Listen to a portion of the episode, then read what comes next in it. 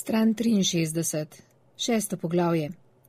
Von sveže posekanega drevja je bil, širil se je od poti k reki, napolnil je zrak in drsel čez vodo in zavlekel se vse povsod in zaradi njega sem bil čisto omrtvičen in omotičen. Bil sem sredi vsega, dišal sem po smoli, moje obleke so dišale in moji lasje so dišali in moja koža je dišala po smoli, ko sem po noči ležal na pogradu in spal. Zaspal sem z njim in zbudil sem se z njim in čutil sem ga vse dan. Bil sem gost. Sekirico sem pokliknil med smrekove veje in jih sekal tako, kot mi je bil pokazal oče, tesno ob deblu, tako da ni nič trlelo in oviralo lopatke za ljubje ali se prilepilo ali poškodovalo nog, ki bi morale steči po deblih, ko bi se les v reki nagrmadil in se zagozdil. V ritmičnem sekanju sem vihtel sekirico levo in desno. Bilo je težko, bilo je, kot da bi se mi vse upiralo in nič se ni predalo samo od sebe, ampak to me ni motilo. Bil sem utrujen, ne da bi se zavedal, in sem samo nadaljeval. Drugi so me morali zaustaviti. Zagrabili so me za ramo in me potisnili na štor in mi rekli, da moram malo posedeti in se odpočiti. Ampak potem sem imel smolo nariti, gomazelo me je po nogah. S praskajočim zvokom sem se dvignil štora in pograbil sekiro. Sonce je pripekalo in oče se je smejal. Bil sem kako romamljen.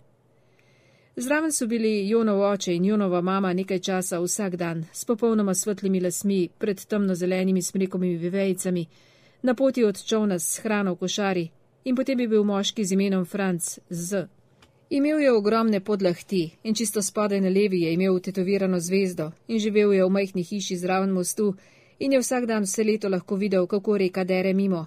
In vedel je vse, kar je mogoče vedeti o tem, kaj se dogaja na vodi. In potem smo bila še oče in jaz in Bruna. Jona ni bilo zraven. Rekli so, da je nekaj dni po pogrebu z avtobusom odpotoval v Inbigdo. Kaj pa se bo tam počel, niso povedali, jaz pa tudi nisem spraševal. Takrat sem razmišljal o tem, ali ga bom še kdaj videl. Začeli smo ob sedmih zjutraj in strajali do večera, ko smo padli v posteljo in spali kot ubiti, dokler se nismo zbudili svetlobo in začeli znova. Nekaj časa je bilo videti, da dreves ne bo nikoli konec, kajti ko greš po stezi, se ti lahko zdi, da je to prijeten gozdiček, če pa moraš vsako posamezno smreko požagati in začneš šteti, zlahka izgubiš pogum in si misliš, da ne bo nikoli konec. Ko pa se ogreješ in ko vsi pridobijo pravi ritem, začetek in konec nimata več pomena, ne tam, ne takrat. In pomembno je samo to, da ustrajaš, dokler se vse ne poveže med sabo v lasten utrip, ki bije samo od sebe in imaš odmor v pravem času in potem spet delaš in dovolj ješ, ampak nikoli preveč, in dovolj piješ, ampak nikoli preveč, in dobro spiš, ko je čas za to, 8 ur po noči in vsaj eno uro po dnevi. Jaz sem spal po dnevi in oče je spal in Jonov oče in Franc sta spala, samo Jonova mama ni spala. Kodar smo imeli odmor in smo legli v resje, vsak pod svoje drevo in zaprli oči, je šla k čovnu in odveslala domov Klarsu, da je poskrbela zanj in ko smo se prebudili, je bila običajno nazaj, ali pa smo z reke slišali vesla in smo vedeli, da prihaja. Takrat je imela s sabo pogosto stvari, ki smo jih potrebovali, kakšno orodje, za katero je dobila naročilo naj ga prinese, ali novo hrano v košari, nekaj, kar je spekla in kar nas je vse razveselilo, in nisem razumel, kako zmore, kajti vse čas je ustrajala in delala enako trdo kot moški. In vsakokrat, ko sem videl očeta, kako s priprtimi očmi leži in jo opazuje, kako prihaja, sem jo tudi jaz gledal, nisem se mogel izogniti. In ker sva jo midva gledala, jo je gledal še Jonov oče, na drugačen način kot prej, in to najbrž niti ni tako čudno. Ampak dvomim, da smo videli isto, kajti to, kar je videl on, mu je zbudilo skrb in očitno začudenje. To, kar sem videl jaz, mi je zbudilo željo, da bi podaril najvišjo smreko in da bi jo videl, kako se nagne in šumenjem in udarcem pade, da odmeva po dolini, potem pa bi sam rekordno hitro posekal veje in ji samo lupil ljubje, ne da bi počival, čeprav je bilo to najteže delo, in jo odvlekel do reke z golimi rokami in svojim hrbtom, brez pomoči konja ali človeka, in jo zagnal v vodo z močmi, ki sem jih nenadoma začutil, in briznilo bi tako visoko, kot so visoke hiše v Oslu. Kaj si je mislil oče, nisem vedel, ampak tudi on se je malo bolj potrudil, kadar je bila Jonova mama v bližini, in to je bila seveda pogosto, tako da sva bila s časom, ko so dnevi minevali, oba kar precej utrujena. Ampak šalil se je in smejal, in tako sem jaz počel isto.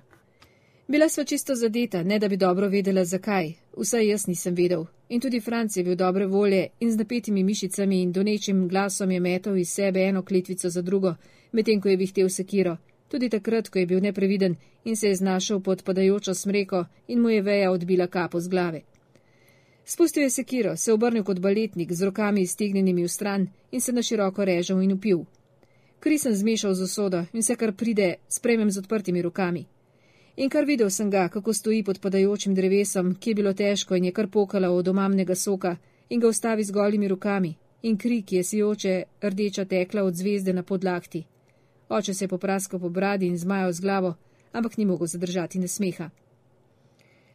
Tvoj oče kar precej tvega, je rekel Franc med nekim odmorom. Sedel sem na kamnu na rečnem bregu, si masiral boleče rame in gledal čez vodo, on pa je nenadoma stal poleg mene in rekel: Tvoj oče kar precej tvega, ko seka sredi poletja in hoče takoj poslati les po reki. Poln je soka, kot si mogoče opazil.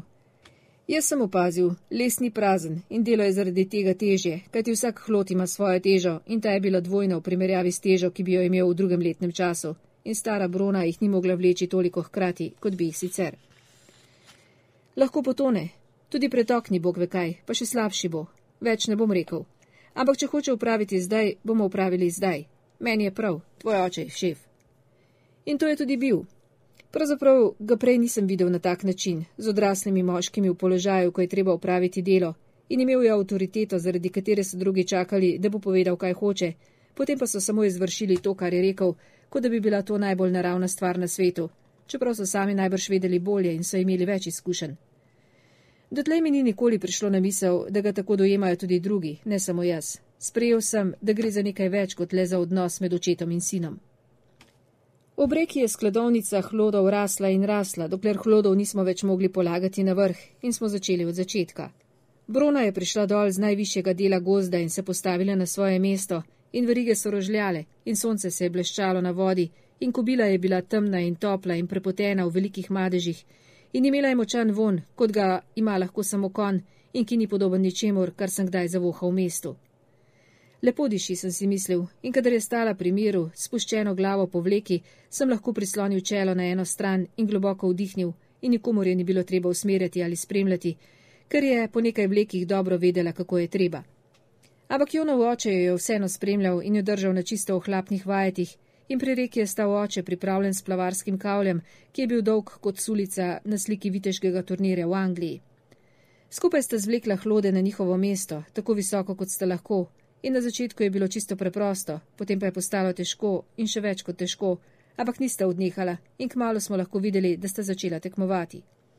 Ko je eden hotel odnehati in se mu je zdelo, da ne gre više, je hotel drugi nadaljevati. Daj no, je zaupil Jonov oče in sta zabila splavarska kavlja vsak na svoj konec hloda in enado sem razumel, da je izziva očetovo avtoriteto in sta zagrabila in vlekla in se nagibala, da je znoj tekal v potokih in je srajca na hrbtu počasi postajala temna in na čelu in na vratu in na rokah so izstopale žile, modre in debele, kot reke na zemljevidu sveta, Rio Grande, Brahma Putra, Yang Cenkiang.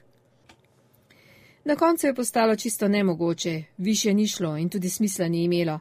Lahko bi pač začeli novo skladovnico in ta bi bila tako ali tako zadnja, saj smo delali že en teden in konec sečnja se je že bližal in hlodi, ki smo jih olupljene in rumene naložili ob bregu, so name napravili takšen vtis, da skoraj nisem mogel verjeti, da sem bil zraven. Ampak nista odnehala. Hotela sta spraviti gor še en hlod, pa potem še enega, vsaj eden od njiju je to hotel, potem pa sta se zamenjala.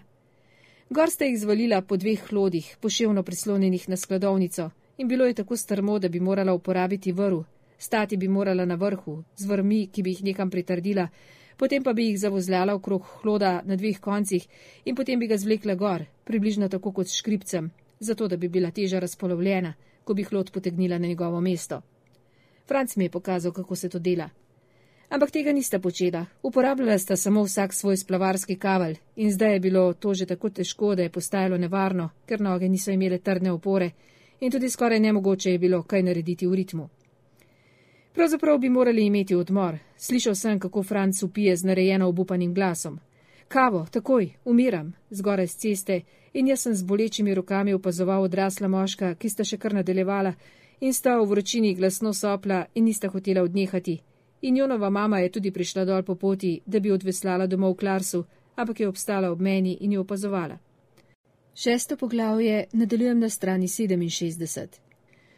Čutil sem, da stoji tam, toploto kože in sprano modrino obleke, in ker ni šla naravnost k čovnu kot navadno, sedla van in prijela za vesla, sem bil prepričan, da se bo nekaj zgodilo, da je to znamenje, in pomislil sem, da bi moral poklicati očeta in ga prositi, naj neha s temi neumnostmi, v katere se je zapletel. Ampak nisem bil prepričan, da mu bo všeč, čeprav je večkrat upošteval moje mnenje, če sem imel povedati kaj pametnega, kar se je zgodilo pogosto. Obrnil sem se in pogledal Jonovo mamo, ki zdaj ni imela nič opraviti z Jonom, ali pa je morda imela, ampak bila je dve različni osebi in bila sva enako visoka in imela sva enako svetle lase po več tednih na pripekajočem soncu, ampak obraz, ki je bil še pravkar odprt, ja, skoraj gov, je bil zdaj zaprt. Samo oči so dajale sanjav vtis, kot da ni čisto tukaj. In gledala je isto, kot sem gledal jaz, nekaj večjega, o čemer nisem vedel nič, ampak razumel sem, da tudi ona noče reči ničesar, da bi ustavila oba moška, da lahko zaradi nje nadaljujeta in odločita o nečem, česar jaz nisem zaznal, ampak za vselej, da morda hoče prav to. In to je bilo malo grozljivo. Ampak namesto, da bi me to odbilo, sem pustil, da me je usrkalo. Kaj ti, kaj ne bi sicer počel sam s sabo? Nisem imel kam iti, ne sam, tako da sem napravil en korak bliže in sem stal čisto ob njej, tako da se je moj bog dotikal njenega. Mislim, da ni tako jo opazila, ampak jaz sem opazil, kot udarec v telo. In ona dva na skladovnici sta opazila in za trenutek sta najo pogledala in pozabila na svoje vlogi, za trenutek, in takrat sem storil nekaj, kar je še mene presenetilo. Položil sem ji roko okoli rami in jo potegnil k sebi, in edina, s katero sem to počel dotlej, je bila moja mama, to pa ni bila moja mama. To je bila Jonova mama, ki je dišala po smoli in soncu, tako kot sem gotovo tudi jaz. Ampak poleg tega še po nečem, zaradi česar sem skoraj umedlel, tako kot me je v motico in skoraj v jog spravljal gost, in nisem hotel, da bi bila mama komorkoli, ne mrtvemu, ne živemu. In nenavadno je bilo to, da se ni odmaknila, ampak je moja roko pustila ležati in se je rahlo naslonila name. In jaz nisem razumel, kaj hoče, kaj hočem sam, ampak prijel sem jo še trdneje, popolnoma prestrašen in srečen. In mogoče je bilo samo zato, ker sem stal najbliže, ona pa je potrebovala roko v oporo, ali pa zato, ker sem bil sin nekoga in prvič v življenju nisem hotel biti sin nikogar. Niti svoje mame v Oslu, niti moškega, ki je stal na skladovnici in je bil tako presenečen nad tem, kar je videl, da se je vzravnal in spustil kavelj, da mu je podrsal med ledmi, čeprav sta ravno vlekla, ampak to je bilo več kot dovolj.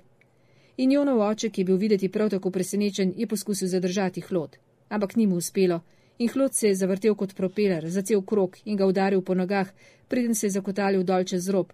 In slišal sem, kako se mu je zlomila ena noga, kakor suha veja, preden je padel naprej in dol ob strani skladovnice, z ramami naprej in je z udarcem pristal na tleh. Vse skupaj se je zgodilo tako hitro, da nisem niti dojel, dokler ni bilo mimo. Samo videl sem. Oče je stal sam in brez ravnotežja na vrhu skladovnice, s kavlem, ki se mu je zibal v eni roki, za njim je drla reka, modro nebo pa je bilo od vročine skoraj belo.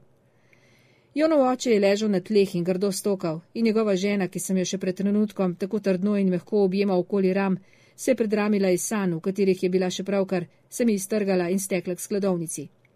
Zdrsnila je na kolena in se sklonila nad moža in si položila njegovo glavo v naročje, ampak rekla ni ničesar, samo zmajevala je z glavo, kot da bi bil poreden fantek že 750-tič in da je bila tik pred tem, da obupa nad njim, vsaj od tam, kjer sem jaz stal, je bilo videti tako. In prvič sem do svojega očeta začutil kanec grenkobe, ker je uničil najpopolnejši trenutek mojega življenja dotlej, in naenkrat sem bil čisto na robu besa, roke so se mi tresle in sredi poletnega dne me je mrazilo in ne spominjam se niti, ali se mi je Jonov oče, ki je imel očitno hude bolečine v zlomljeni nogi in rami, v kateri je pristal, kaj smilil. Potem pa je začel tuliti. Neutoložljivo tuljenje odraslega moškega, ker ga je bolelo in gotovo tudi zato, ker je pravkar izgubil enega sina, drugi pa je odpotoval od doma, morda zavedno, kaj pa je vedel. In prav zdaj je bilo vse skupaj videti čisto brezupno. Ni bilo težko razumeti. Ampak ne verjamem, da se mi je takrat kaj bolj smilil, ker sem bil tako poln samega sebe, da sem se skoraj razpočil in njegova žena je samo zmajevala s tisto sklonjeno glavo in za sabo sem slišal Franca, ki je s težkimi koraki priplezal po stezi. Še brona je stresala z grivo in vlekla za verige. Odslej ne bo nič več tako kot prej, sem pomislil. Že nekaj dni je bilo zadušno, ta dan pa je bilo še posebej neznosno. Nekaj je bilo v zraku, kot se reče, bil je nasičen z vlago in znoj je še bolj ljiv kot navadno in popovdne se je začelo oblačiti, ne da bi temperatura padla. Pred večerom je bilo nebo že čisto črno, Ampak do takrat smo Jonovega očeta že spravili čez reko v enem od čovnov in naprej v Inbigdo, v enem od dveh avtomobilov v kraju. In to je bil seveda Bar Kaldov in on sam je med dolgo vožnjo sedel za volanom. Jonova mama je morala ostati doma pri Larsu, ni mogel biti tako dolgo sam in razmišljal sem, da mora biti za njo zelo žalostno in samotno in težko, da je tako sama s fantom in čaka in se ne more pogovarjati z nobenim odraslim. Da ste si imela ona dva v avtu kaj povedati, sem si komaj lahko predstavljal. Ko se je prvič zabliskalo, sva z očetom sama sedela pri mizi v koči in gledala skozi okno. Pravkar sva pojedla, ne da bi sploh kaj rekla, in v resnici bi moralo biti še svetlo, saj je bil še juli, ampak bilo je temno kot na kakšen oktobrski večer, in nenadoma se je zabliskalo in lahko sva videla drevesa, ki so posečni še ostala, in skladovnici na rečnem bregu in vodo v reki in čisto na drugo stran, vse brez težav. Takoj potem je tako treščilo, da se je koča kar stresla. Kašna pizdarija, sem rekel. Oče se je obrnil od okna in me skeptično pogledal. Kaj si rekel? Kakšna pizdarija, sem rekel. Zmajal je z glavo in zdihnil. Ja, ja, malo misli na birmo, je rekel. Ledaj. In začelo je deževati, najprej rahlo, že po nekaj minutah pa je tako ropotalo po strehi, da sva komaj slišala lastne misli, ko sva sedela pri mizi. Oče je nagnil glavo nazaj z obrazom obrnenim proti stropu, kot da bi lahko skozi opaš in tramove in strešnike videl vodo in upal, da ga bo kaj od tega zadela v čelo. Vsekakor je zaprl oči in po tem dnevu bi nama obima koristilo, da bi dobila malo mrzle vode v obraz. Morajo pomisliti isto, ker je vstal od mize in rekel, bi se šel tuširati. Nimam nič proti, sem rekel. In potem se nama je nenadoma začelo muditi in skočila sva od mize in začela sebe trgati oblačila in jih brcati levo in desno, in moj oče je enak stekal k umivalnemu stolu in pomoči umilo v vedro z vodo. Na pogled je bil prav tako čuden kot jaz. Nekoliko porevel od vrha do popka in popolnoma bel od popka na vzdolj in podrgnil se je povsod, kjer je dosegel z milom, tako da je bil na koncu popolnoma prekrit s pinastimi vrtinci, potem pa mi je vrgal milo in sem storil isto, tako hitro, kot sem le mogel. Kdo bo prvi, je zaupil in odrvel k vratom. Tekel sem kot igralec ameriškega nogometa, da bi presekal njegovo pot in ga potisnil iz ravnotežja, potem pa je on zgrabil mojo ramo, da bi me zadržal, ampak sem bil zaradi mila tako gladek, da mu ni uspelo. Zasmejal se je in zaupil, ti kurčev sluzavec. In on je to lahko rekel, ker je imel Birmo že pred mnogimi leti, in prišla so hkrati in se tesno skupaj, telo ob telesu, pririnila skozi vrata, da bi bila prva zunaj. In potem so obstala na pragu pod nadstrežkom in so gledala, kako voda toče po tleh vse okoli naju. Bilo je veličastno in skoraj grozljivo, in za trenutek sva samo stala in strmela. Potem pa je oče globoko in nalašč glasno zajel sapo in zaupil. Zdaj ali nikoli, preden je skočil ven na sredo dvorišča in začel plesati, popolnoma nak, z rokami v zraku in voda mu je pluskala po ramah. Stekel sem za njim v dež, ki se je zlival, se postavil zraven njega in poskakoval in plesal in prepeval norveška rdeča, bela, modra. In takrat je začel tudi on peti in v trenutku nama je milo spralo z telesa in sva se bleščala in sijala kot dva tjulna in najbrž sva bila na utip tudi enako mrzla. Zebe me sem zaupil. Mene tudi je zaupil nazaj, ampak bova še malo zdržala. Ok, sem zaupil in se z dlanjo udaril po trebuhu in po stegnih, da bi se mi umrtvičena koža nekoliko segrela, Potem pa sem se spomnil, da bi lahko naredil stoje na rokah, ker sem bil pri tem kar spreten in zaupil sem. Daj, oče moj, in sem se sklonil naprej in se zavihtel v stojo, in potem je moral on storiti isto. In tako sva po rokah hodila po mokri travi, medtem ko nama je dež tolkal poriti na način, ki je bil tako ledeneče čuden, da sem moral kmalo nazaj na noge, ampak zagotovo ni imel še nikoli nihče tako zelo čiste zadnice kot midva, ko sva stekla nazaj v kočo in se obrisala v dve veliki brisači, in si z nekoliko grobo tkanino zmasirala kožo, da sva dobila nazaj tip in toploto, in oče je nagnil glavo po strani in me pogledal in rekel: Se si čisto odrasel? Ne čisto, sem rekel, ker sem vedel, da se okoli mene dogajajo stvari, ki jih ne razumem, odrasli pa jih razumejo, ampak da ne bo več dolgo, mi je bilo jasno. Ne, ne čisto, je rekel. Z roko si je šel skozi mokre lase in z brisačo uvito okoli bokov se je odpravil proti peči, strgal je star časopis in ga zmečkal in dal v peč, okoli papirja je naložil tri polena in zakuril. Potem je zaprl vrata peči, vratca zapepel, pa je pustil odprta, da je vleklo, in star presušen les je začel takoj presketati. Stav je čisto pri peči z dvignjenimi rokami, napol sklonjen nad črnimi železnimi ploščami in pustil je, da mu je toplota objela trebuh in prsi. Sam sem stal, kjer sem bil. Moj oče je bil in dobro sem ga poznal. To, kar se je zgodilo danes, je rekel, še vedno obrnen s hrbtom proti meni, bilo je čisto nepotrebno. Mnogo prej bi moral odnehati. Bilo je v moji moči, ne v njegovi, razumeš? Odrasla moška sva. Jaz sem bil kriv za to, kar se je zgodilo. Nič nisem rekel, nisem vedel, ali misli, da sva on in jaz odrasla moška, ali hoče reči, da sta on in njonov oče odrasla moška. Sam bi rekel, da zadnje. Neopravičljivo je bilo. To je bilo že res, to sem razumel, ampak ni mi bilo všeč, da je kar tako prevzel so krivdo. Sam sem mislil, da bi se dalo razpravljati, in če je on kriv, sem jaz tudi. In čeprav je bilo slabo, da je človek odgovoren, da se zgodi kaj takšnega, me je nekako pomanjšal, ker me je izpustil. Znava sem začutil, kako prihaja grenkoba, ampak tokrat blažja. Obrnil se je od peči in na obrazu sem mu prebral, da ve, kaj mislim, ampak ne najde nobenega pravega odgovora, ki bi nama olajšal zadevo. Bilo je prezapleteno, nisem več mogel razmišljati o tem, ne tisti večer. Čutil sem, kako so se mi povesile rame, veke so se mi zapirale, dvignil sem roke in si jih pognetel. Si utrujen? je rekel. Ja, sem rekel, in bil sem utrujen. Moje telo je bilo utrujeno, in glava je bila utrujena, in koža je bila utopela, in nisem si želel nič drugega, kot da bi se ulegal na pograd pod odejo in spal in spal, dokler ne bi mogel več spati. Stegnil je roko in mi razmršil lase, potem pa je vzel z police škatlico z žigalicami in prižgal petrolejko, upihnil jo v žigalico, odprl vrata peči in jo vrgal v plamene. V rumeni svetlobi petrolejke sva bila morda videti še bolj čudna, svojima rjavo belima telesoma. Nasmehnil se je in rekel: Pojdi prvi spat, pridem za tabo. Ampak ni prišel. Ko sem se po noči zbudil in začutil, da moram na stranišče, ga ni bilo nikjer videti. Na pol spanju sem odtaval skozi sobo in ga ni bilo tam. Odprl sem vrata na dvorišče in ga tam tudi ni bilo. Nehalo je deževati, pa ga tudi na dvorišču ni bilo.